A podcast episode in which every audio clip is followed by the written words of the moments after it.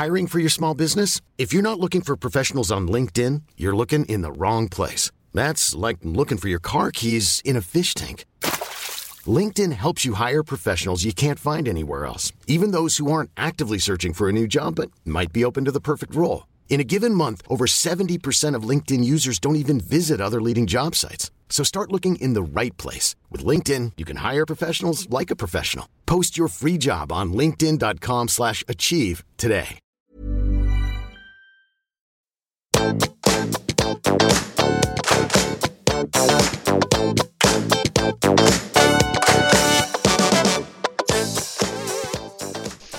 alle sammen, og velkommen tilbake til podkasten Karriereveiledning med Elaine.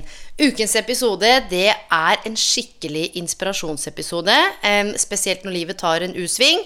Vi skal snakke om karriereverdier, eh, hull i CV-en og mye av det jeg vet dere lurer på.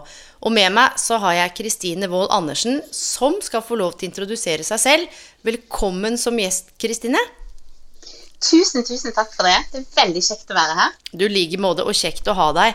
Kan ikke du starte med på en måte å ramme inn eh, hva du holder på med akkurat nå, hva du brenner for, og, og hvordan du på en måte begynte å jobbe med det du gjør? Ja, ah, ja, det er jo ja, Hvordan begynner man å jobbe med det man gjør? um, nei, jeg kan jo begynne med å si at akkurat nå så jobber jeg i Fretex. Og Fretex er Norges største arbeids- og inkluderingsbedrift.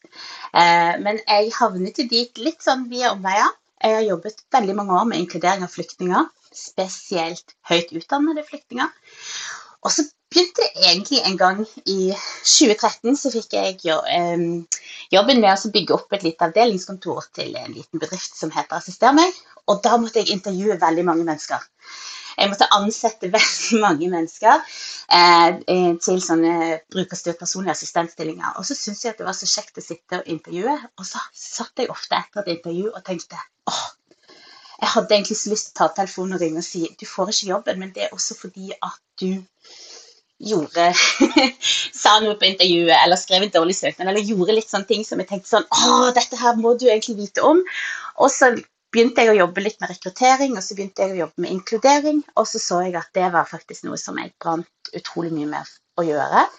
Og det å guide f.eks. flyktninger som har jobbet sant, mange år innenfor bransjen sin i et annet land, og hjelpe de inn til en karriere i Norge, det var såpass meningsfullt at jeg eh, etter hvert liksom valgte at dette, dette med karriereveiledning, dette med å inkludering, det er det som jeg skal gjøre i, i min karriere. Ja, og jeg tenker alle de fine menneskene du har møtt da, fra, fra andre land med sant, andre religioner, bakgrunner, sosioøkonomisk status, og på en måte forstå det den andre forstår. Eh, noen ikke sant, det kommer jo fra andre land hvor eh, bare det å ha en stat i seg sjøl er skremmende. Eh, Ja. Helt annen type hierarki. altså Her er det flat struktur, stort sett. Det er noen som syns det er helt sjokkerende. Ja, men ikke sant? Mm, ja, Bare- det er det. veldig rart. lunsjpause man suser rundt ved altså det, det er så mye som kan være ulikt, og så mye som kan være likt. Og så er det noe med å på en måte Som du sier, dette er, er eh, fantastiske mennesker med høyere utdanning som har jobba i mange år, som kanskje ikke trenger å, å lære seg å pusse tenner. Nei. Sant? Nå setter jeg det litt på spissen, men jeg har jobbet med, med fantastiske mennesker med alt fra doktorgrad, mastergrad, samme, som har på en måte sittet og Ja, dette er mange år siden, da, men hvordan man skal pusse tenner og dusje, ikke sant. Som, Så det å, å Hva er det som på en måte gjør, da, eller gjorde at det virker så meningsfullt? Hva, hva gir det deg, liksom, hva er bidraget ditt da, i den store sammenhengen? Altså, jeg tenker jo sånn, fordi at jeg, Etter at jeg hadde jobbet med høyt utdannede flyktninger, i noen år, så jobbet, begynte jeg å jobbe med arbeidsmarked og inkludering og var leder for tiltak for virkelig folk som hadde stått utenfor utrolig lenge. Som på en måte hadde alle mulige bakgrunner. Og så så jeg at ok, en av de tingene som vi sliter litt med, det er jo at folk klarer ikke å få god nok informasjon om jobbsøking, om eh, alt dette her. Hva vil det si? Altså, man, man sitter så utrolig alene. Altså, det er en utrolig ensom prosess å være jobbsøker. Og så så vi jo spesielt dette sant, i 2020, når samfunnet bare smukk stengte ned. Alt var liksom ferdig, på en måte. Var, for det første, arbeidsledigheten steg. Masse folk satt der og visste ikke hva de skulle gjøre. Og så satt jeg da, eller jeg følte at jeg satt på kompetanse. Så jeg tenkte at den kompetansen jeg har, trenger jeg å få ut. Um, og så tok jeg kontakt med Råd for psykisk helse, og så søkte jeg noen midler eh, gjennom de. Uh, til Damstiftelsen til å lage sånne webinarer som vi sier ok, dette skal være gratis, dette skal være tilgjengelig for alle. Dette skal handle om jobbsøking, dette skal handle om, om karriere, uh, dette skal handle om utdanning, dette skal handle om livet. Altså det vil si sånn, Karriereveiledning handler i utgangspunktet om livet. Altså det er alle de tingene som, Mange tenker at karriereveiledning handler kun om karriere, men karriereveiledning handler like mye om hva du har gjort for å komme dit, og hvordan skal du på en måte eh, komme videre. Og så startet vi jobbkoden, altså Fretex jobbkoden. Det er to timers webinarer hver måned hvor alle som ønsker, kan delta eh, og få gratis eh, på internett. Eh, hvor alle som ønsker, kan delta og få treffe Ish, altså folk som kan dette, bl.a. Diana treffer de deg. Eh, treffer folk som kan snakke både om det med at det er ensomt, hva trenger du av hjelp, hvordan kan du se dine egne ressurser, hvordan kan du gå videre. Sant? Altså sånn når livet tar en U-sving. Og det er det med Uavhengig om livet har tatt en enorm U-sving, eh, og du, liksom, du har ikke vært i jobb på to år, eller om livet har tatt en U-sving nå i desember fordi du blir permittert, så er det utrolig vanskelig å sitte alene og gå og finne en måte å gå videre på når du virkelig liksom føler at OK, her har jeg litt mistet sånn de tingene som er viktige for meg.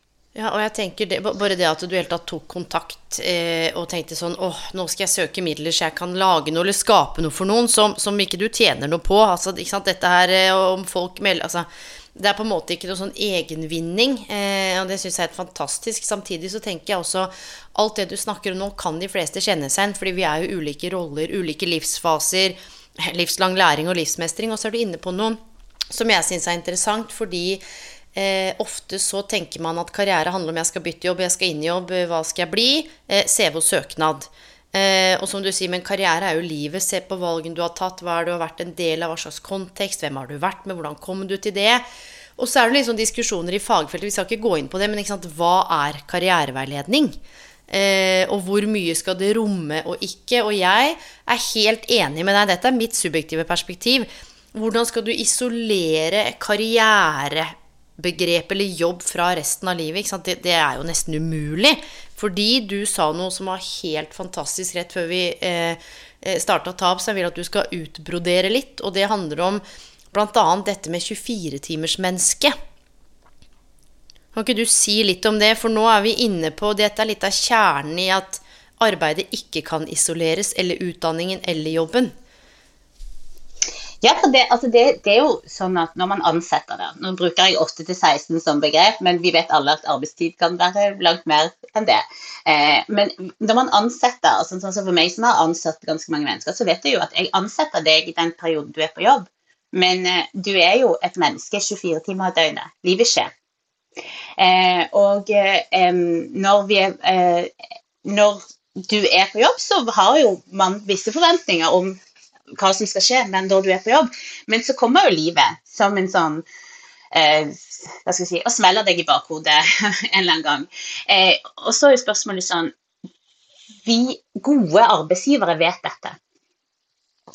Eh, gode arbeidsgivere vet at jeg kan ansette deg, og du gjør en knalljobb fra 8 til 16, men når du går hjem og livet blir vanskelig eh, mellom 16 og 24, så vil det også påvirke den du er på jobb.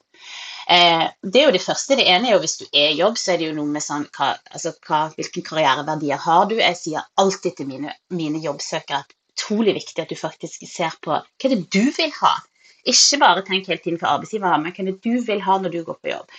Og så må vi også være klar over at når livet tar en U-sving, eh, når du av en eller annen grunn står utenfor jobb, uavhengig om det er fordi du har blitt permittert eller mistet jobben eller fått sparken eller sittet i fengsel eller vært syk, spiller ingen rolle, så er det også noe med det er også livet. Og det påvirker eh, også på en måte jobb og den du er, og hva du har gjort, og hva det er du skal selge inn til en arbeidsgiver. Så for meg så er det utrolig viktig at vi ikke Altså at vi sier helt høyt gode arbeidsgivere vet at mennesker eksisterer i 24 timer i døgnet. Gode arbeidsgivere vet at den du er når du er på eh, jobb, eh, blir påvirket av det livet du lever. Og vi har gjort det sånn at det er noen faser av livet vi er veldig åpne for. Det å få barn, f.eks. I Norge har vi et av de mest inkluderende arbeidsliv rundt foreldre.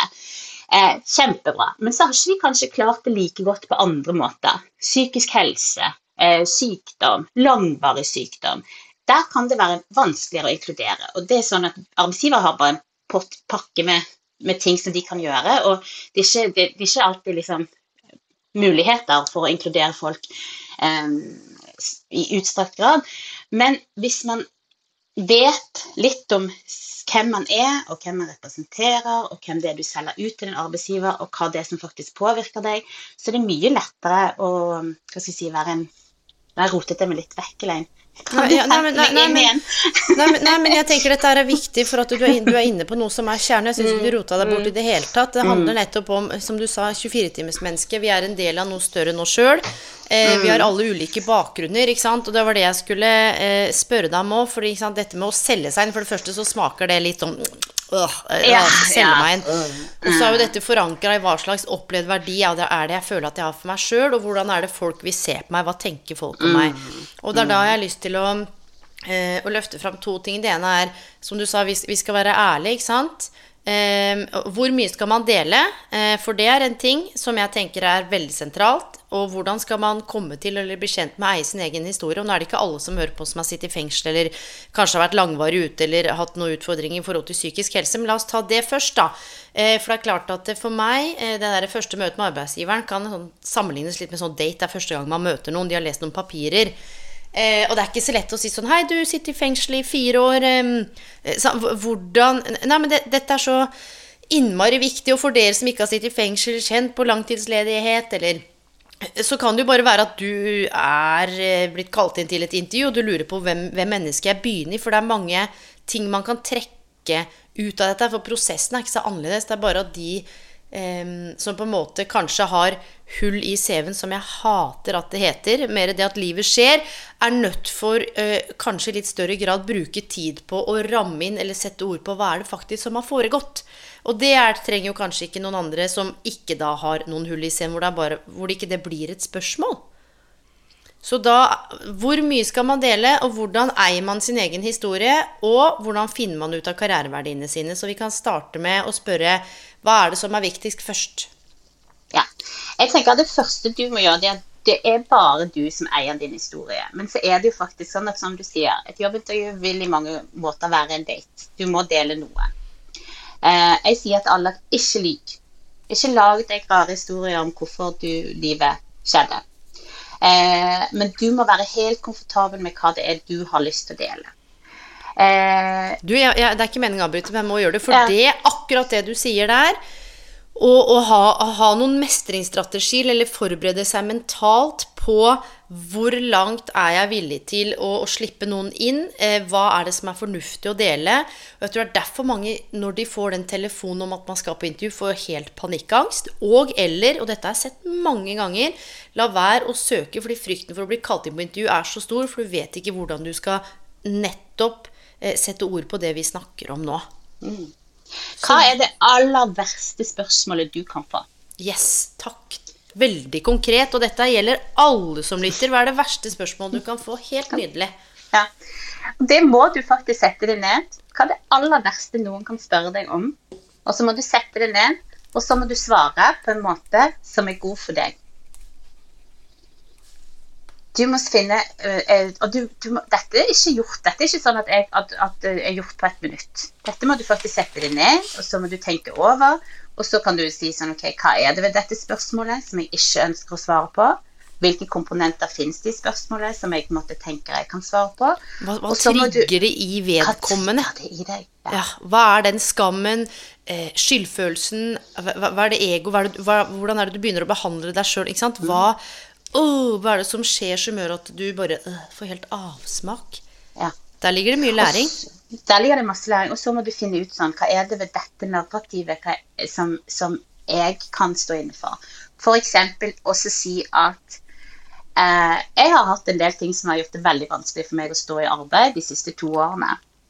Men jeg har vært veldig sterk, og jeg har prioritert knallhardt for å komme hit i dag.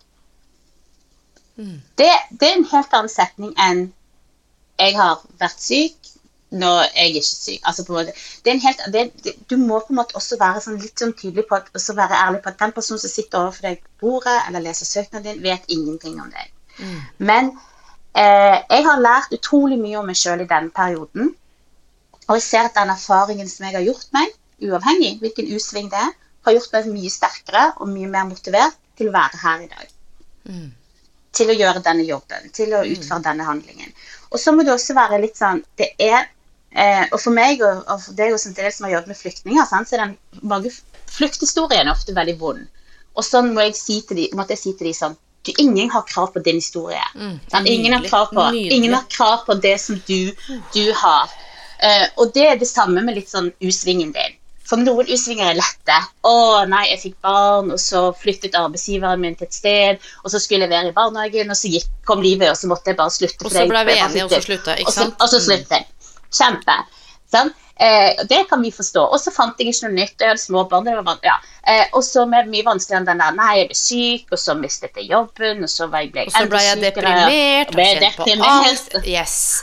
Fordi, og jeg skal si deg hvorfor, og det, og det er ikke det at eh, For jeg tror vi begge tenker at eh, og Vi er begge opptatt av inkludering og mangfold og tenker at all, alles historier er velkomne. Litt av utfordringen er jo sånn som vi snakker nå i det første møtet. eh, For at eh, vedkommende som ser deg for første gang, eller sant, eh, skal på en måte bearbeide dette her. Og Mm. litt av jobben handler om også å kunne snakke seg inn i rollen. Når du Yes. går inn i intervju, så står det regnskapsfører, barnehageassistent, Mm. vaskehjelp, altså direktør, eh, advokatpartner. Du må snakke Ja. deg inn i rollen, og jeg tror det jeg ser ofte, at folk snakker seg bort. Og så, kanskje da, hvis man ikke har tatt kontroll eller øvd på det narrativet, så havner man litt sånn ut på glattis og deprimert. Ja, ok, ja, men ikke sant? Og så blir det en dialog, og så har Ja. hele intervjuet handla om eh, tre år med hull, og ingenting om kompetanse og ressurser. Og jeg veit at du er veldig opptatt av ressurser, og det er Ja. et ord som eh, på lik, som er liksom på lik linje med respekt og kommunikasjon og tillit, som er sånne fjongord som vi bruker. Eh, og så er det av og til vanskelig ikke for folk, det, for meg også, jeg er jo folk, eh, og noen ganger konkretisere eller jeg må konkretisere for meg sjøl og andre hva vi snakker om når vi snakker om ressurser. For ressurser kan jo være tid, det kan være emosjoner, det kan være helse. altså og jeg vet at dette er noe du brenner for, så kan ikke du eh, fortelle litt når du snakker om ressurser, hva på en måte du legger i det, og hva du ser at det er? Og, og kanskje gi oss noe konkret på ja, finne ressursene sine. For noen som kanskje opplever at de ikke har noen ressurser, så er det ganske sånn her. Rett og slett helt banalt og forslengt i ansiktet. Men du har jo så masse ressurser. Bare finn ut av det. Hva, hva er det for noe? Ja, hva er ressurser? Jeg tenker, du, det, er sånn, det første er sånn, Du kan tenke høyt om deg sjøl. Og så kan du være og så sier jeg sånn, raus. Det er litt sånn, Vær raus, og så sier du sånn OK, hva er, hva er det jeg er interessert i? Ja. Og, noe, og, og så må du også tenke hva er det andre liker med meg? For vi vet selv at altså, folk er, altså, de tingene du sier til deg sjøl, og de tingene andre sier til deg sjøl, de altså, som oftest er de veldig samfaller ikke. sant? Du, det dette er gøy. liker Dette Ja. er gøy. Nå spør du meg hva jeg er interessert i. Nå kjører vi litt rollespill her. Ja, Jeg ja. er interessert i, altså utenom jobb, da, eh, så er jeg interessert i dans. Jeg prater spansk, og jeg er glad i å eh, Ja, liker å lese. Ja, la oss ta, ta spansk, spansken først. Ja. Eh, um, nå er du på jakt etter en jobb som ikke har noe med spansk, men spansk, nå, nå, hvordan lærte du spansk? Du, eh, på egen hånd. Jeg måtte ha tysk eller fransk på videregående og hadde en eller annen fantasi. Jeg tror nemlig jeg er født i helt feil land. Jeg er jo latinamerikansk i blodet, tror jeg. Eh, og det var helt avsmak, så jeg eh, sa fra meg det og begynte å lære meg spansk på egen hånd. Ved hjelp av pappa, som er gammel sjømann som lærte seg spansk. Og så fant jeg en kar eh, i Gule Sider på 63 eh, år som bodde ti minutter unna, og inviterte han hjem to dager i uka. Dette er mange år siden. Ja. Og seks muntlig og skriftlig. Ehm, så der fant jeg en ressurs. Der kan jeg hente fram en tilstand eller en gang hvor jeg var veldig ressurssterk. Men så har jo livet skjedd i mellomtida, da. Jo, men det er en veldig god historie. Og så tror jeg jo at når du først har den historien sant? Det er jo liksom sånn det med Ressurser handler litt om historiefortellinger. Så liksom, det var den gangen du, eh, noen, du, du møtte på motstand. Du hadde lyst til å lære spansk, skolen din hadde ikke spansk, og du brukte noen, dine egne ressurser til å lære deg spansk. Og så kan vi si sånn Ok, er det andre steder i livet du har brukt de samme ressursene? Ja, og da tenker jeg jeg må først i hvert fall sette ord på hva den ressursen er, og det handler om eh, Ja, motstand Jeg- og en finne løsning. Jeg tenker at du har vist at du, Du lar deg ikke stoppe av litt motstand. Du er ganske Nei. løsningsorientert, og du viser initiativ. Ja, og jeg liker ikke å gjøre det alle andre gjør. Så sånn, ok, Å, ja, men da, da blir Ja. jeg med på det. Jeg er litt rebelsk. Du er litt Og jeg, rebelsk. og jeg tror, hvis vi skal koble det på hva ville andre sagt om meg, at jeg er full av energi, veldig varm og empatisk og omsorgsfull, og at jeg liker å riste litt i, i trærne. Eh, Jeg er ikke så veldig glad i konformitet. Jeg kan selvfølgelig ha jobbet i team med ledere, tilpasse meg og, og aldri noe sånn bryte regler og bare for det. Men hvis jeg opplever at dette her det vi gjør nå er uetisk, eller dette her er ikke i tråd med verdiene mine, da kan jeg ikke stå for det. Og da må jeg enten endre eller finne en eller annen måte å gjøre noe med det på. Jeg kan ikke se på at det fortsetter sånn. Nei. Så da har jo jeg, det, Uten at jeg kjenner deg så veldig godt, så vet jeg jo at Ja, for det gjør du jo ikke, det er derfor dette er gjør det gøy. ikke, Ja, du har veldig sterk rettferdighetssans. Du syns det er viktig. Definitivt. Og da tenker jeg med en gang at det, du kan si sånn For meg er det viktig at, altså, og, øh, at det er etisk, det jeg gjør. At jeg kan få lov til å utfolde meg. At jeg ikke, at jeg kan fint Du sier sånn, jeg kan fint jobbe i team, men jeg liker også å riste litt på det som på en måte ikke fungerer. Eh, som er på en måte Ja, jeg viser initiativ, jeg er handlings, altså løsningsorientert, jeg handler. Og så plutselig så vet jeg ganske masse om deg. Eh, som jeg fint, fordi at jeg har skrevet en god del, hjulpet mange med, med jobbsøknader, kunne satt ned på papiret. Men det er jo fordi at ok, nå sitter jeg her, men så er jeg så grei, hva skulle du skrevet? Mm. Eh, I din søknad, hvordan skulle du på en måte eh, klart å få noe ned på papiret? Eh, når du ikke har skrevet jobbsøknad på lenge, med de tingene som du har lært om deg sjøl nå. Og, og det er akkurat det, for ikke sant. Og dette her er et godt, godt eksempel på Nå var det fem minutter karriereveiledning eller dialog. ja. Det er ikke det derre altså, Ikke sant. Bare det og ressurser, for å konkretisere, kan være å reflektere høyt, skrive ned, tenke om interesser. Eh, kanskje hente opp en eller annen gang hvor du gjorde noe som var modig, eller tok tak, eller en historie om du så var ti år og var på sporten, sports, hva heter det, gymnastikk eller hadde en eller annen opp, noe du kan hente opp, men også som du sier, da, em, hvordan ta det fra dette her og snakke sammen til å skulle gjøre alene eller få ned på papir. Mm. Og da sier vi ofte sånn det er liksom, Ja, fortell om en gang du eh, fant på noe nytt. Eller fortell om en gang du viste initiativ. Og så vet vi at det å skrive både gode jobbsøknader og gjøre gode intervjuer, det handler ofte om å sette inn altså det som rollen ber om. Sette det inn i kontekst og fortelle om Jeg ser at du etter, spør etter noen som er god på HMS. Um, og jeg kan fortelle om hvordan liksom, jeg har eh, vært trener for gutter 12. Og for alle som kjenner 12 år gamle gutter, så vet de at de er ikke gode på HMS. Sant? Eh, de, de er vel liksom, Hvis vi tar en gruppe med, gutt, med, med, av menneskeheten som tar mest risiko, så er det liksom gutter mellom 12 og 15. Eh, Konsekvensutenkningen er ikke der. Sånn at For å være helt sikker på at når vi dro til Danmark med håndballag gutter 12, at ingen skulle rote seg vekk, så jeg, innførte jeg disse reglene her for hele laget, som vi implementerte på dette viset. Som gjorde at ok, vi fikk med oss alle guttene hjem igjen fra Danmark. Um, og det, er det, litt sånn, det ene er jo på en måte hva du sitter med av egne historier og det som har skjedd. Det andre er jo at når du snakker med folk som har vært ute av jobb, så har ikke de bare sittet hjemme foran Netflix 24 timer i døgnet. De har jo gjort masse andre ting i den perioden. Har du vært trener for fotballaget? Har du gått mye tur? Nei, jeg har ikke det, men jeg har gått mye tur. Hva har du reflektert over på tur? Hva er det du har lært av naturopplevelsen? Hva var det som gjorde med deg at du i en periode hvor livet var øh, faktisk jo prioriterte det? Mm. Kom deg ut. Nei, jeg lærte meg å strikke. Jeg, jeg ble frivillig på kattepensjonatet. Helt, Mm. helt i orden. Eller så møtte jeg også sant, mange gutter som sier Nei, men jeg har, jeg har gamet. Jeg har sittet med online Du, jeg veit det. Og du og jeg traff en! Jeg veit det. Du, og jeg hadde en, vet du hva han sa til meg? Så sa jeg du, nå skal vi ikke sant, bla, bla, bla. Skal ikke få hele forhistorien. Og så var, kom vi i gang med apropos, Jeg tror ikke jeg brukte ordet ressurser, men nå skal vi se litt på, på hva, hva, hva som bor i deg, eller? Eh, og så skulle jeg bare sjekke ut, så sa jeg du, kan ikke du bare fylle inn her? Vi satt på Zoom, og så står det bare 'ikke en dritt'. Altså, Ja, ikke sant? I, sant. og, så, og, og har både fullført da eller droppa ut av videregående med fullført ungdomsskole mm, og gama og helt rå, ikke sant, med den ene. Og nå er ikke dette en sånn oppfordring til å droppe, det er ikke det det dreier seg om. Men vi må også kalle en spade for en spade. ikke sant? Veldig utfordrende. Mobbing, takle skole. Det var masse greier.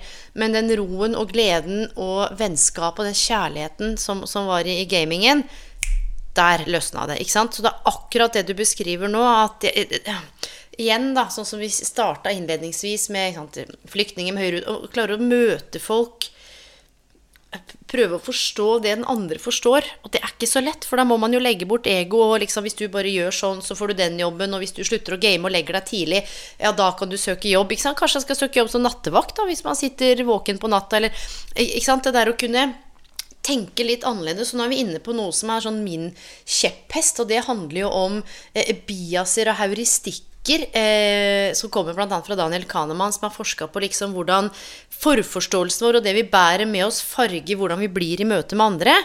Og det er noe som heter sånn hvor vi eh, karriereveiledere eller folk i ulike omsorgsyrker og roller på en måte er så lett for å plukke fram det som er mest tilgjengelig. Sant? For du jobba med 70 stykker, og så sitter du og gamer, så bare Å ja, men det vi gjorde da, så faller man litt i den derre fella, og så glemmer man på en måte å ta skylappene og bare ja, men her er det jo ganske mye mer alternativer. Og det er litt den derre fella som Jeg har jo gått i feller sjøl og tenkt sånn, og dette har jeg sagt i en tidligere episode liksom Gått i meg sjøl og bare Hvorfor ikke blikkenslager eller bilmonterfolier? Altså Fordi det har aldri vært top of mind.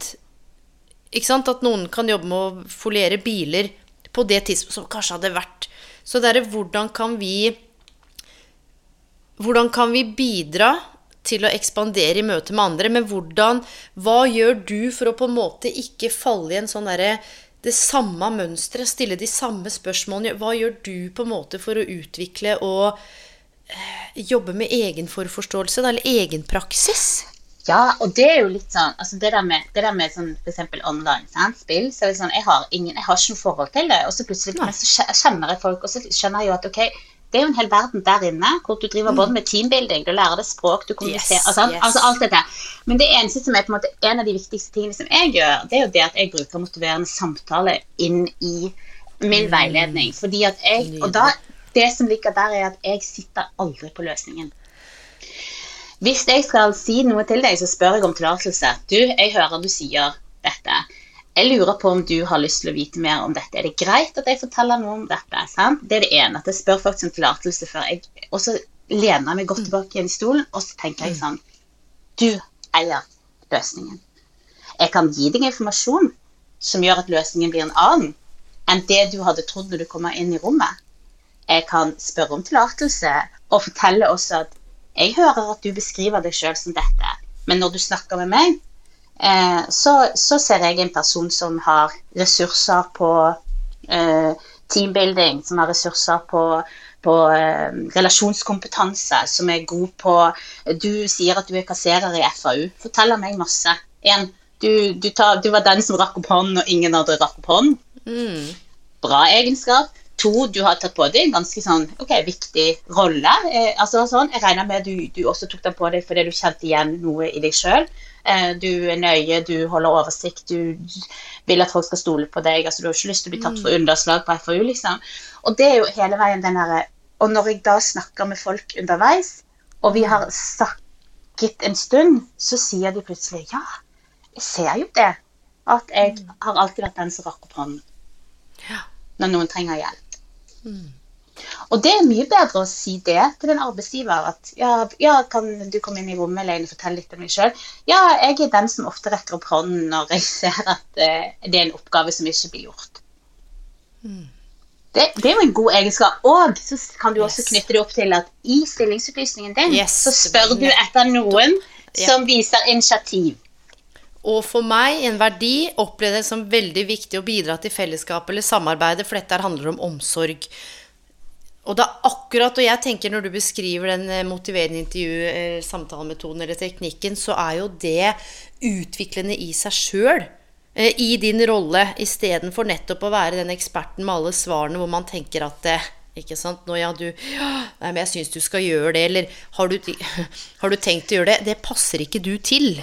Ja. Skjønner du? Ja. Jeg, har hatt folk som har tatt kontakt med meg, som har vært i veiledning. Det kan være mange år siden, det kan være 15 år siden. Hvor noen har sagt sånn Å oh, nei, geologi eller uff, Nei, jeg tror ikke du skal ta noe mer høyere utdanning. Tror du nesten bare bør begynne å jobbe. Ja, men ikke sant? Og Ja. hvor mye makt vi har i rollen, og hva slags narrativer, altså historier, andre er også med på å skape i oss sjøl som vi ikke er klar over fester seg. Eh, og det syns jeg er så fascinerende, for at eh, du også snakket om dette med karriereverdier, da, og til de som lytter nå Nå har vi vært litt inne på det, men hva, hva er liksom en karriereverdi eh, for deg? Da? Hva er det du tenker når du skal bistå noen i å avdekke eller liksom forske på det? Altså, jeg tenker jo litt at det, karriere, altså, karriereverdier forteller utrolig mye om, om en sjøl, uten at en har satt ord på det. Sant? Det er noe med sånn at ja, ok, For meg så er det viktig at jeg blir tatt for alvor.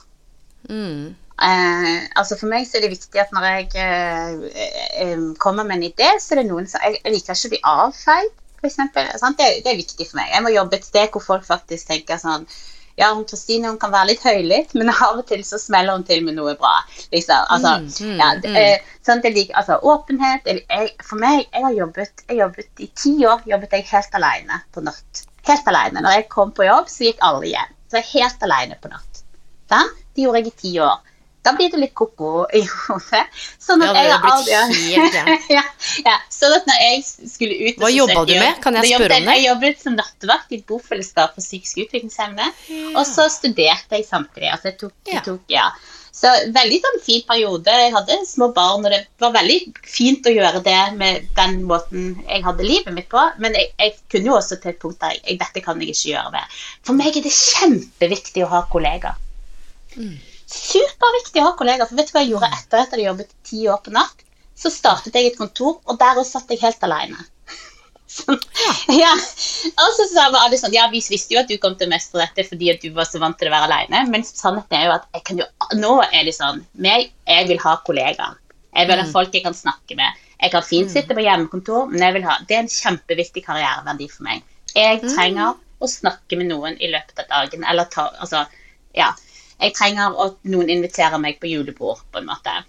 Eh, jeg treng, altså, og det er jo litt sånn Det forteller jo sånn at jeg kan eh, da, kan jeg, da kan jeg si at det er en karriereverdi for meg. En annen karriereverdi for meg er at noen hører på meg når jeg prøver å ta opp ting.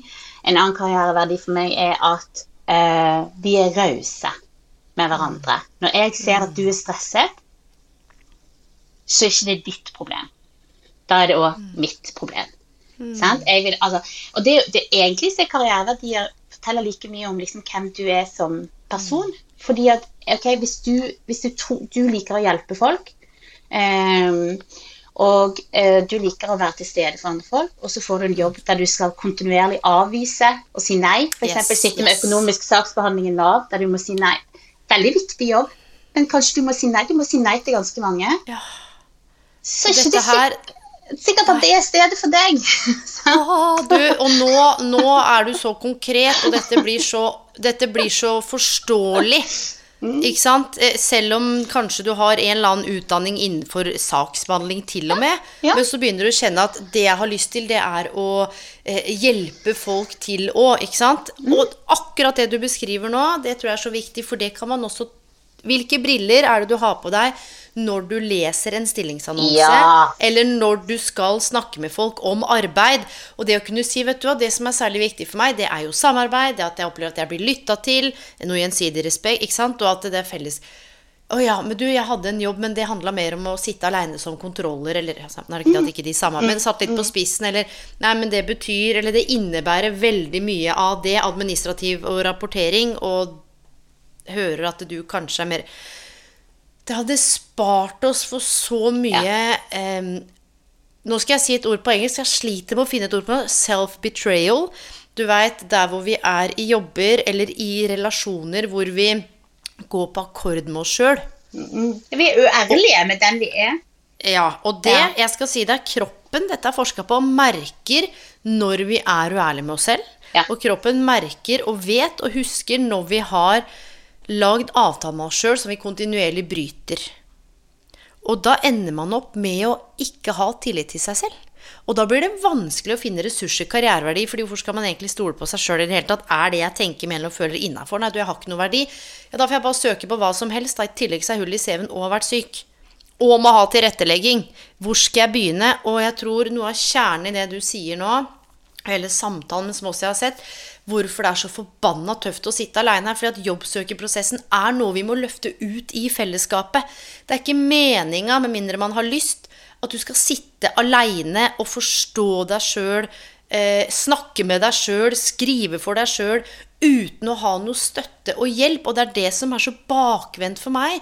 At, og det jeg har jobba med, hvorfor jeg har den podkasten de siste ti årene, at folk føler at de må eh, ha noe konkret å komme med for å få hjelp. Du, jeg, har, jeg lurer på noe i CV-en. 99,9 så handler det aldri om CV-en. Det handler om hvordan setter jeg ord på ressursene mine? Hva er det som er viktig for meg? Er jeg en ressurs? Vil noen ha meg? Tror du jeg er på rett spor? Kan du bekrefte det jeg føler? Ja. Men, Ja. men det er et sånt narrativ i samfunnet hvor ta kontakt eh, når du trenger hjelp. Eh, I parentes, da må du vite hva du skal spørre om. Og, og jeg vil ha bort det. Bare si, vet du hva, jeg er i jobbsøkerprosess. Jeg er lost. Hvor begynner vi? Ja, og for det, det, som, det som er jo Du spør, så sier jeg sånn Er du klar over de aller fleste av oss som har en sånn noenlunde strømlinjekarriere? Sånn? Sånn, jeg har hatt jobb de siste 25 årene. Er du klar over hvor få ganger jeg har søkt jobb? Sant? Eneste grunn til at jeg kan si noe om dette, er fordi det er faktisk, altså jeg jobber med karriereveiledning. De aller fleste folkene du snur deg rundt til, de vet veldig lite om jobbsøkerprosess, rekruttering, søknad, CV, hvordan du selger deg selv, alt dette her, fordi man som oftest ikke liksom eier det. Og så gjør vi det også skamfullt å være uten jobb. Og så sier vi sånn Nei, men da må du gå og snakke med Nav, eller da må du liksom sånn Og så sier vi sånn Men her, kjenner ikke du noen? Vet ikke du noen? Kan ikke du fortelle? Nei, nei, jeg, jeg vet liksom Jeg har ikke jeg, det, er ikke det er ikke sånn. Og så, og så sier man sånn Å, ja. Så i tillegg så skal du skamme deg. For det gjør vi jo. Sant? Uansett hvorfor du har havnet der du er, så skammer vi oss. Og så skal du være aleine. Og så skal ingen gi deg informasjon. Og så, og, så, og så lurer vi på sånn, hvorfor folk eh, blir sittende i dette i årevis, da, som noen gjør. sant? Og så, jo lenger du har vært vekke, jo mer skal du skamme deg. For hva er det vi spør folk? Ja, hva driver du med da? Sånn? Og det er derfor jeg sier sånn at vær, vær så snill og eh, eh, Altså, vi har også som samfunn en oppgave her med å si at eh, hvert menneske har en verdi i seg sjøl. Og grunnen til at folk sliter med å se sine egne ressurser, er fordi at de av en eller annen grunn har blitt fortalt at nei, men du har ikke verdi. Fordi at hvis ikke du har dette, hvis ikke du har dette, hvis ikke du har dette, så har du ikke verdi. Og hvis ikke du har verdi, så har du ikke ressurser. Og hvis ikke du har ressurser, så er du, havner du utenfor. Og det er jo en annen ting som jeg jobber med. Sant? Og det er jo folk som lever i vedvarende lavinntekt, som vi vet sånn, grunn, det, sånn, altså sånn kontinuerlig blir satt på en måte forbi. Som ikke ser sine egne ressurser. Og jeg, jeg, jeg er så utrolig enig med deg der, Lene, at du sier at sånn karriereveiledning en, jeg, jeg møter to mennesker. Det ene er jo de som tenker at de kommer inn i rommet, og så skal jeg fortelle dem alt om hvordan det er, og så Ja, skal ja, ja, de ta en test, og så skal Fortell de gå hva jeg skal velge. Ja. Oh, du er praktisk, ja, ok. ja, ja, ja. Og Riaset-koden, liksom. Ja, ja, Eh, altså, men, det, men det andre er jo den der er sånn eh, De som kommer og er sånn Nei, dette er det siste jeg prøver. Og, og der er du inne på noe viktig, og særlig dette med lavinntekt. Du har jobbet en del med fattigdom og lavinntekt. Dette er egentlig ikke noe det, det er ikke noe jeg har snakket mye om, for jeg har ikke noe behov for om jeg, har, altså jeg har jobbet mye pro bono med lavinntekt og fattigdom, liksom ikke tatt betalt for eh, Ikke sant? Eh, For det kjenner jeg bare. Det har jeg kjent på, jeg har hatt økonomi til. Eh, og det som går igjen, og som også er i forskning, er at eh, mange av de som har lavinntekt, eller fattig, eh, blir sett på som om de tar dette jeg snakka om en gang før, ikke at jeg jobber med det, men tar så jævlig mye dumme valg. Eh, og de er så dumme fordi de er fattige, og så gjør de sånn, og så kjøper de ikke sant, cornflakes, og unga får i seg masse sukker, og så klarer de ikke Men litt av det forskningen viser, er at eh, det er ikke så lett å komme på rett kjøl igjen, nettopp fordi det er noen mønster som har satt seg, og eh, det er sånn det har vært, det er det har har vært vant til. Eh, å klare deg sjøl, eller ta Ja. de valgene, og, og, og hvordan på en måte da Vi veit jo med oss sjøl noen ganger, hvis vi har gjort noen ting over tid, så har vi kanskje fem år etterpå, og etterpåklokskapen, bare Å ja, men det er et mønster, ja, ok. Nei, jeg har en forsvarsmekanisme, så når jeg får kjeft, ja, da, da blir jeg helt avstengt. Eller eh, jeg er så redd for ikke å være betydningsfull at jeg tar innmari mye plass og styrer så mye, ikke sant. De møter, og alle syns jeg møter ah, og, det, og, de sa at jeg føler meg så, så dum, eller at jeg ikke klarer å ta At jeg tar dumme valg. Men, og, og, så, du, og jeg kjente jeg ble sånn jeg, jeg får så vondt inni meg, da, nettopp fordi man ikke kan huke opp alle de boksene på hva det tilsynelatende handler om å være inn eller med. Ja. Og så skal vi være litt sånn ærlige på at sånn som du sier sånn, vi tar også masse dumme valg. Ja, men, du hele tida. Ja, sant? Men greien er at eh, vi har Om vaskemaskinen ryker, så har vi likevel råd til å det var, fikse den. Det var akkurat ja. det. Og jeg har tenkt på det særlig ja. nå. Yes. Det, med strømmen. Ja, sant? Og når du har stress, nervesystemet ditt er på rødt, og, mm. og du på en måte skal handle inn og ikke sant? Ja, men hvorfor går du ikke og, eh, og vaskemaskinen ryker, og du sitter og kanskje har én vedkubbe igjen nå, ikke sant? Det er snart Alt dette her med mangel på julegave, hva vi andre syns, barna mine får ikke noe I det kaoset, når du er i det så er det ikke så veldig lett bestandig. For jeg har sagt at okay, det er én ting som er viktig, er å skille mellom fakta og følelser. Men det er uten tvil om at vi er ikke så rasjonelle som vi tror. All beslutningspsykologi, forskning viser at vi er ikke så veldig rasjonelle. Så det er klart at det å stå i noe sånt nå kan skape kaos. Men det, det skaper jo kaos. For det, det vi ser, er jo at altså, sånn, når du jobber med familier, da, som, som jeg gjør, i mm. vedvarende lavinntekt, så er de sånn ja. Ok, den, den ene krisen det er jo bare en mm. større krise neste måned. Ja, fordi ja, ja. da må du ta ut kredittkort for å få råd til vaskemaskin. Og så må du betale og så, mm. og så er det jo liksom Og så har vi jo sånn altså, jeg, kaller, altså, jeg snakker om toleransevinduet. Sant? Innenfor dette her mm. så klarer jeg her her, det, nå ser ikke folk armene mine. Du må si, si, til lytterne, hva, hva er et toleransevindu? Toleransevindu, det, det, er der du i livet syns at ting kan fungere greit. Nå er det sånn at mitt liv akkurat nå fungerer ok. Jeg kan takle at bilen ryker og vaskemaskinen ryker. Men jeg kan ikke takle hvis en jeg er veldig glad i, blir alvorlig syk. Mm. Da går jeg over for det som på en måte er vanlig toleranse, som jeg kan på en måte takle i livet mitt. Sant? Mm. Og så er det sånn at med det som heter toleransevindu, at hvis, hvis livet ditt fungerer ganske greit, så blir det større. Mm. Det er jo så urettferdig. Sant? Mm. Det er jo sånn at det er så urettferdig at hvis livet mitt er ganske greit, så kan jeg takle enda mer stress yes. enn hvis livet mitt ikke er ok. For da, jeg, mm. da blir det vinduet mindre og mindre og mindre. og mindre. Det man tåler, blir mindre og mindre. Og mindre og mindre. Og så blir hjernen overlastet, og så begynner man å gjøre i tillegg. Sant? Yes. Dårlige valg. Og så, yes. ja, og så gjør man det over mange år. For det er jo det som det ofte skjer. sant? At du mm. vet, Det er noe så rart at du treffer noen folk, og så sier de sånn Ja, det begynte jo egentlig med at jeg mistet jobben.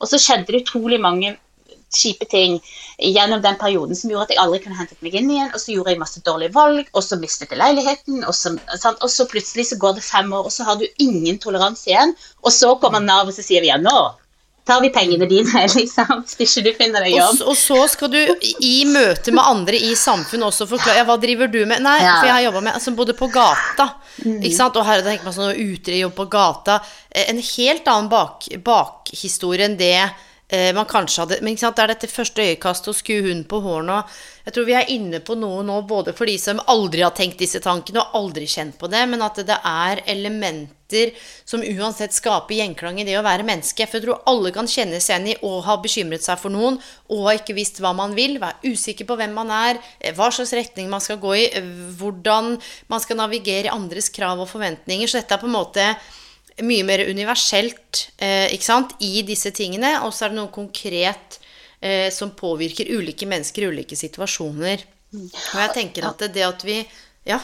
Ja, nei, og jeg tenker For å hente det litt inn igjen, da, for nå ser jeg at vi, vi, vi har liksom dratt det veldig langt ut, men for å hente det litt inn igjen, da, til, ned til det som vi snakket helt i øyeblikket, at ok, du har, livet har tatt en U-sving her, mm. sånn, og du skal på en måte nå prøve å ta noen grep for å få deg en jobb. Hvis vi liksom legger den helt ned igjen der, mm. så er det jo noe med sånn eh, Du kan oppsummere livet ditt med å legge på vekt på alle disse her utrolig dårlige og 'Det var ikke min skyld', og så skjedde det, og så skjedde det, og så skjedde det.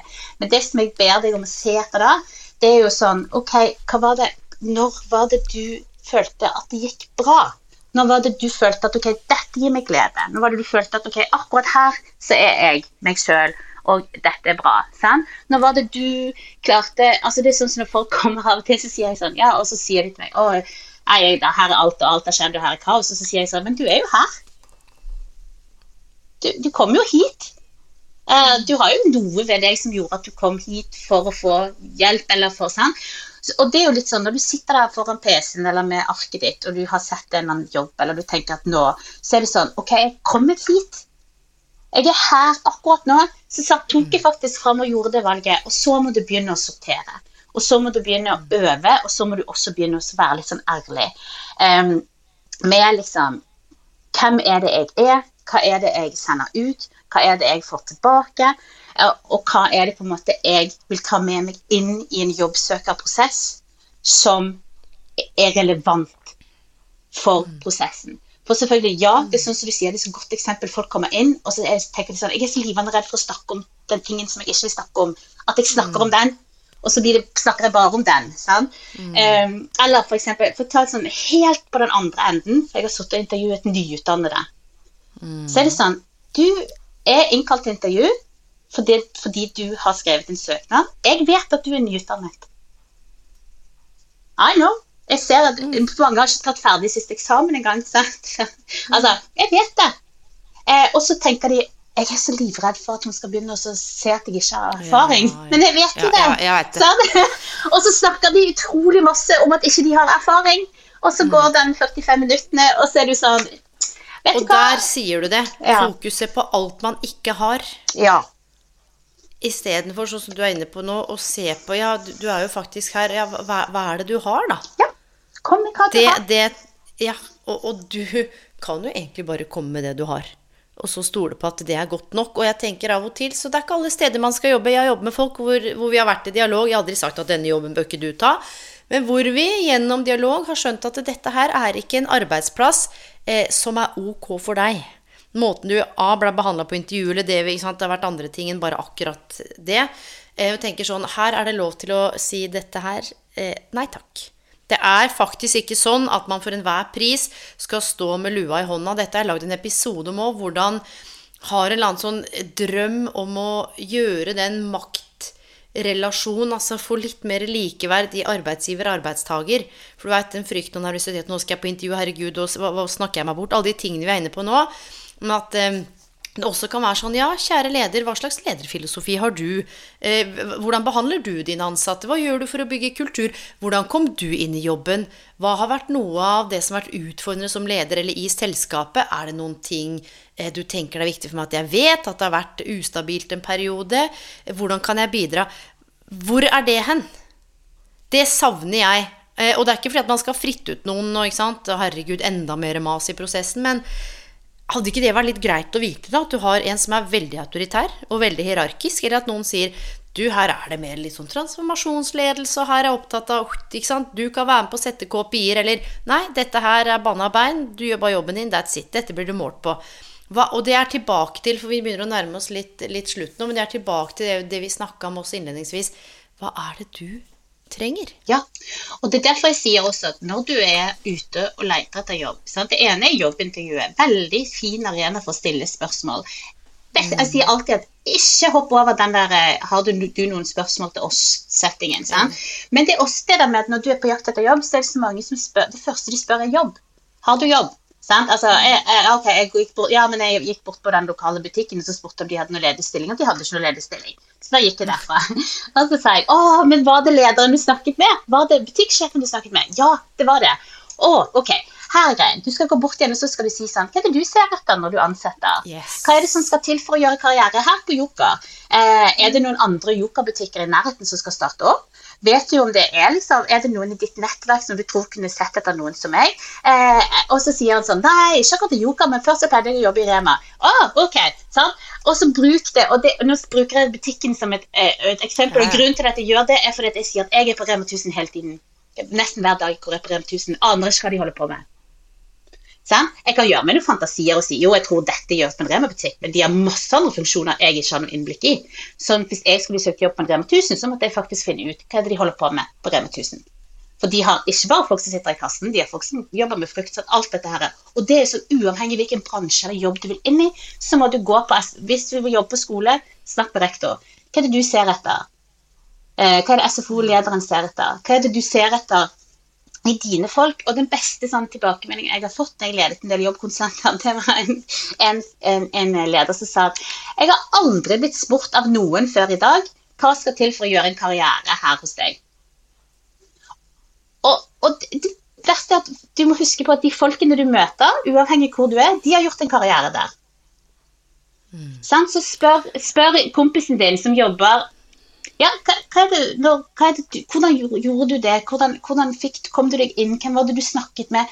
Hva var det du skrev? Hva var det du vektla? Så får du de gode historiene. Men mm. hei, har du en ledig jobb? Nei.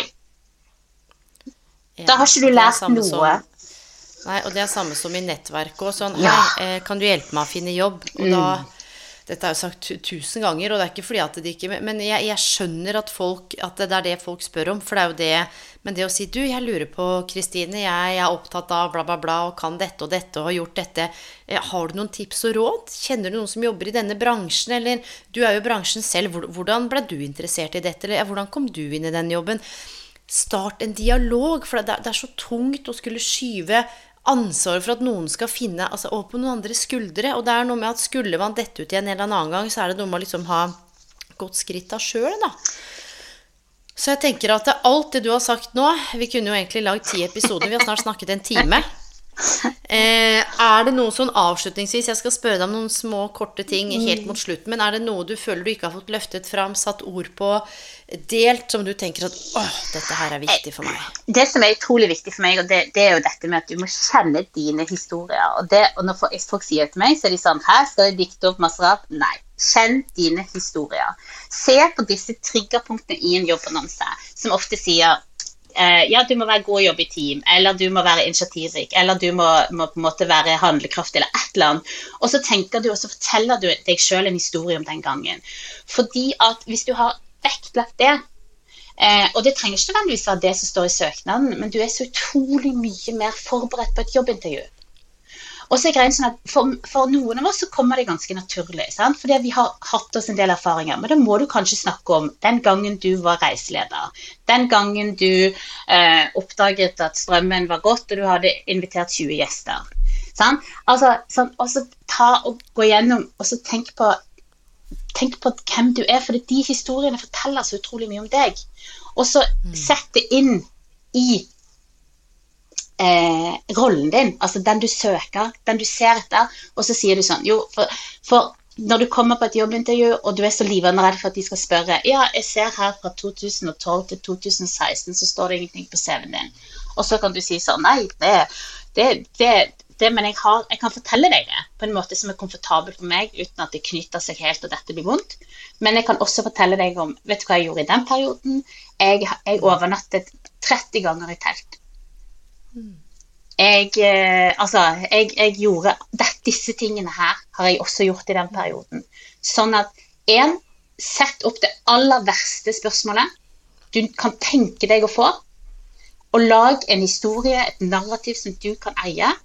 Og så pluss på å fortelle. Sånn at, og det, det, her gjelder Nå snakker jeg veldig sånn om hvis du har vært ute av arbeidslivet lenge, men det gjelder også hvis du har vært i arbeidsliv hele ditt liv, og du skal søke ny jobb. Fordi at den historien som du forteller og deler med en arbeidsgiver, det er på en måte den du kjøper. For intervjuprosesser er så sårbare som det. er. Og det betyr ikke at, å lyge, men det betyr sånn at de skal vite hvem de får inn i teamet. For det er greien at du ansetter jo, sant? jeg sier 24 timers menneske, men jeg pleier også å si at du ansetter også noen til lunsjen.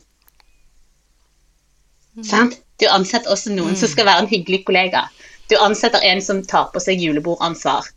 Sant? Altså det er liksom Det er noe med For eh, grunnen til at folk blir syk, og det snakket vi jo litt om, faller ut, forsvinner ut, blir dårlig, eh, det er fordi at de verdiene du har, og den jobben du gjør, de matcher ikke sammen.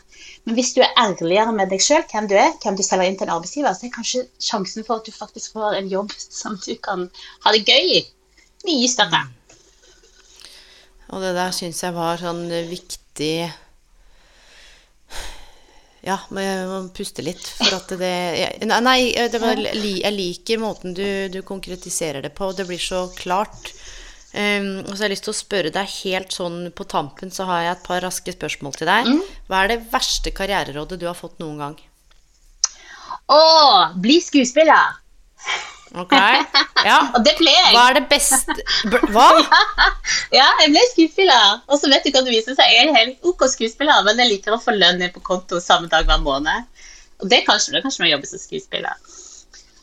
Nå, da skal jeg spørre om en annen. Nå må du svare sånn, et par setninger. Hva For jeg tenker sånn Ingen erfaring, kompetanse, kunnskap, lærdom, at man har gått på snubla snørra, tatt valg, er noen gang bortkasta. Hva er to eller tre konkrete ting fra skuespilleryrket, skuespillerskolen, som du har tar med deg inn i rollen din nå? Ah, jeg er kjempegod til å snakke. Altså, jeg liker å snakke, liker å formidle. Eh, eh, liker å jo masse foredrag, holder jo masse kurs.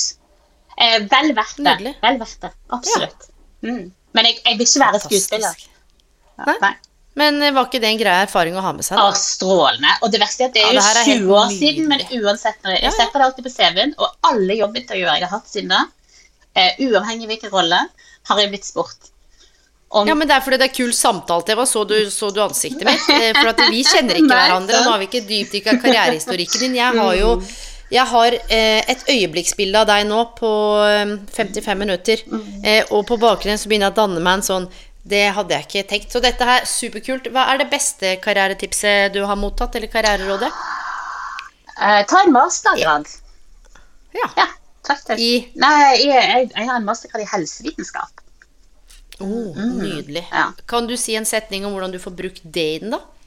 Ja, fordi eh, helsevitenskap altså har, min, Det er jo helsefremmende arbeid, og helsefremmende arbeid handler Yes. jo bare om ressurser.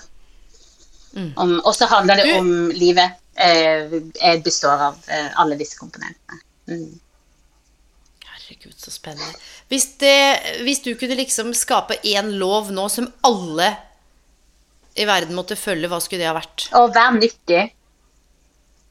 Ja. Ja, Kan ikke du Jeg bare sier sånn, Alle går rundt Å, hva sier du lykkelig? Hva sier du lykkelig? lykkelig? Lykke er så flyktig. Lykke, alle vet at i løpet av en dag så har du noen sånn altså, Men er du nyttig? Prøver du å være nyttig på et eller annet som helst vis? For dine nærmeste, for andre, for verden, for samfunnet. Så vil du øyeblikkelig ehm, eh, oppleve liksom altså, både gode følelser, men også ehm, eh, ha gjort noe viktig i løpet av en dag. Og det kan være små ting som å holde døren for noen og, og sånne ting. Eller det kan være sånn Vet du hva, jeg, tar, jeg vet at egentlig var det vil man skulle tømme oppvaskmaskinen, men jeg gjør det, jeg. Siste er Er du klar? Ja. Med igjen litt to setninger. hva er det som opptar deg mest om dagen? Sånn i jobb. Kan være på fritid og eller hjemme, eller, men du, I jobb så er det som opptar meg mest om dagen, er med håp i bagasjen, som er det eh, som jeg jobber sammen med Frelsesarmeen, som skal være eh, hvor vi har kjørt i Bergen og Oslo. Det er lavinntekt barnefamilie, og nå skal vi gjøre det nasjonalt. Kan vi få vite mer om det noe sted? Kan Ja. vi bidra? Ja. Eh, Ja. Med håp i bagasjen er et eh, program som er tatt fra USA. Eh, og da jobber vi rett inn mot lavinntekt barnefamilier. Så tilbyr vi karriereveiledning for de voksne. For en av grunnene til at man er i lavinntekt, vedvarende lavinntekt er som oftest lav eller ingen tilknytning til arbeidslivet. Og så prøver vi å være det nettverket som mange av de familiene ikke har. Da tar vi det som Fretex er god på, karriere. Så tar vi det som Frelsesarmeen er god på, sosialt arbeid. Så slår vi det sammen, og så har vi laget en metode og så kjører vi de nå i Oslo og Bergen. Eh, og så skal vi, forhåpentligvis, målet er å gjøre det stort og nasjonalt. Så når du gir penger til julegryten, så gir du også penger til det. Du blir sånn varm i hjertet. Jeg har lyst til å begynne å grine. Jeg vet ikke om det er juletid, eller at jeg bare har, har gjort en endring i verdiene mine. Som jeg sa sist, så, så, så nærhet eh, og, og det å liksom virkelig kjenne på ting er mye mer på topp. Eh, så jeg kjente når du snakka nå, du vet Bare så for meg alle disse familiene. Nei, du, det var helt eh, nydelig. Og så er det det siste. Vi eh, Det skjer jo noe 11. januar. Ja! Ja! Åh, Kan ikke du bare kort si noen ting om det, og så Ja, for vi skal ikke bruke så mye tid på det. Nå var det viktigere å få fram deg og alt og hva du holder på med, men bring it on. 11. januar, Elaine Bloom kommer til Fretex jobbkoden. To timer gratis webinar. Du får Elaine alle på skjerm. Eh, Og lyd. Og lyd, ikke minst. Eh, du kan eh, altså, eh, melde deg på. Du finner Fretex jobbkoden på Facebook. Eh, og du finner oss på Fretex jobbkoden, altså sine nettsider. Og så kan du bare melde deg på. Det foregår via Zoom. Så får du rett og slett bare pålogging, og så kan du få Elaine i eh, all sin eh, herlighet i to timer den 11. januar. Ja, og så er det jo ikke altså, Og det jeg er viktig å si. Eh, det blir jo ikke noe formanende. Eh, ikke sant? At nå må vi Ja, gjøre sånn. nei. Dette her skal handle om ikke sant? å bli kjent med egne mønstre, tankesett. Vi skal ha det litt artig, det skal være konkret. Det skal være en boost, Mm. en inspirasjon. En mulighet til å senke skuldrene. Kanskje lene seg litt bakover og ehm, ikke bare finne ressurser, men eh, Ja, jeg skal ikke si for mye. Det blir litt sånn eh, eh, Hva skal jeg si for noe? Det, skal, det kommer til å kjennes godt både før, under og etter. Og kan jeg få bare og si at jobbsøking gjort riktig eh, under de rette forutsetningene er jo så gøy! Det er jo så gøy! Og der er jo, men vi har, det er et eller sted, et eller annet sted på veien, jeg vet ikke om det er samfunnet, skole eller utdanning, vi har bare gjort det til det. Og så nå skal jeg LA bruke 11. januar til å gjøre det gøy igjen. Ja, og det, vet du hva jeg savner? Og apropos, eh, når jeg leser en del forskning om barn og lek og voksne og lek og mangel på lek og sant, kreativitet Vi har liksom glemt å leke litt som voksne. Mm. Og alt, det er så mye alvor. Er klart Nå har vi står ved en pandemi, og det gure land, vi skal ikke tøyse bort ting. Men når vi allikevel er der vi er, så går det også an å eh, rette fokus på det vi har, og det som er bra. Det er alltid noen sånne småting eh, man kan eh, se etter. Eh, du, jeg gleder meg masse. Jeg er så takknemlig for at vi, våre veier kryssa, og dette her eh, med Frelsesarmeen og Fretex og liksom Vi trenger deg, da. Du er betydningsfull. Tusen takk for det. Det var utrolig Og du har vært kjempeinspirerende. Vet du hva, dette var så gøy. Å, det var kjempegøy. Og det, det ga meg også noen vekkere. For det er jo av og til dette med at når man snakker om jobben sin, så glemmer man litt hva man holder på med oppi det, det hele. Um, og jeg tenker at uh, uansett hva det er, så Altså, for oss så vet jeg jo at uh, det å, å se at noen får sin første jobb, eller og det var jo litt sånn jeg havnet inn på dette. sant? Altså når jeg jobbet med brukerstyrt personlig assistanse, så var en av liksom, tingene til det firmaet som jeg jobbet for, det var vi skal være noen sin første arbeidsgiver. Eh, og det syns jeg var så kult, og det var liksom litt sånn at, at, at fordi at, Og da var liksom sjefen min sa Er du klar over at hun som jeg ansatte i liksom 2005, hun fikk kjøpe sitt første hus nå? Sant? Altså, som var sånn, sånn, helt sånn, sånn utrolig sånne ting. Jeg hadde ikke tenkt over det. Jeg visste ikke liksom. Og så, eh, jeg kan si sånn, I forhold til det med helsefremmende arbeid, så hadde jeg noen studenter en gang som var sånn, eh, gikk på helsefremmende arbeid, og så jobbet jeg jo der med inkludering. Og så var de sånn Ja, men det er jo ikke helsefremmende arbeid. Ja, vet. Altså, jeg bare ja, Tuller du med meg? Det her er jo det Arbeid er jo den gradienten som sier mest om helse. Altså, Er du i jobb, så er du friskere. Altså, det som, Hva kommer først, høna og egget? Men vi vet at bare, for, bare litt jobb gjør deg friskere enn ingen jobb. sant? Ja, ja, og du, bare det at noen trenger deg, savner deg, lurer på hvor du er, at du må logge inn, eller Ja. sant, så- med mindre det er sant, med stress og kaos og overarbeidelse, for da er det noe helt annet. Men du, det er mulig at dette her blir både en del to og en del tre Oh, eh, på sikt, eh, Kristine. og, og du, gjerne gi feedback på episoden. Send meg en mail, Elaine at Elaine Blum. Kom med flere forslag til temaer. Eh, så sender jeg da også feedback, Kristine. Eh, ja. Tusen takk for at du var med. Ja, vil du si noe? Jeg skal bare si, jeg har eh, min kollega Alexander, han går ut i pappaperm i januar. eh, Men han er sykt god til å snakke om Å ja, så du har ikke flaks. Da må du ordne deg det. Eh, For han er sånn, La oss snakke om elefant i rommet, for vi jobber mye med flyktninger. Og han er litt sånn Ja, så det er ingen her i Norge som vil ansette deg. For du heter jo noe rart og kommer fra et annet land. Men eh, vi må snakke om det, og hva kan du gjøre for å mm, få deg Dette Det her kan bli en gøy episode. og han er veldig Nå sier jeg gøy, Ja, ikke for... Nei, men han er veldig, Ja, ja, han er ikke veldig. Ja, men han er veldig altså, vi har, Jeg har brukt han en del i jobbkoden, og, han, han- altså, og Mm. han er min gode kollega. Vi jobber veldig tett. Men det, han er god til å snakke om det, og han har eh, bakgrunnen sin fra militæret. Ok, men du, kjære, men du og kjære lyttere, vet du hva? Da kan det være at det blir en episode om Jaså, så du har ikke flaks? For det er det mange som kjenner på av og til. Eh, tusen takk for at du satte av tid til å bli med. Og til alle dere som hører på, tusen takk for at dere skriver inn og sender inn og deler. Og gjerne tagg meg episoden. Skriv hva du fikk ut av dette her. Vi vet jo at vi kan jo finne deg på, på Fretex. Sant? Hvis det er noen ting, noen tilbakemeldinger. Og så må vi jo ønske God jul. God jul til absolutt Ja, og litt sånn frisk og fredelig jul er det jeg sier til folk nå. Um, og på gjenhør, mine venner. Ha det godt. Ha det.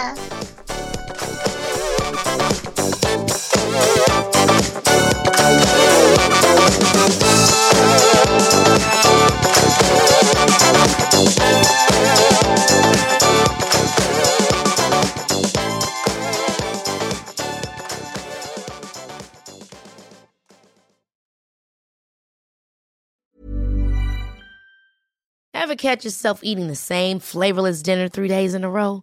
Dreaming of something better? Well, HelloFresh is your guilt free dream come true, baby. It's me, Kiki Palmer. Let's wake up those taste buds with hot, juicy pecan crusted chicken or garlic butter shrimp scampi. Mm. Hello Fresh. Stop dreaming of all the delicious possibilities and dig in at HelloFresh.com. Let's get this dinner party started. My business used to be weighed down by the complexities of in person payments. Then, Tap to Pay on iPhone and Stripe came along and changed everything. With Tap to Pay on iPhone and Stripe, I streamlined my payment process effortlessly. Now I can accept in person, contactless payments right from my iPhone. No extra hardware required. What's truly remarkable is how I can cater to all of my customers' payment preferences. Whether they're using cards, Apple Pay, or other digital wallets, Tap to Pay on iPhone and Stripe ensure a smooth checkout experience every time. And it's not just me. Stripe helps businesses of all sizes, from local markets to global retailers, scale quickly and stay agile. To learn how Tap to Pay on iPhone and Stripe can help grow your revenue and reach, visit stripe.com/tapiphone.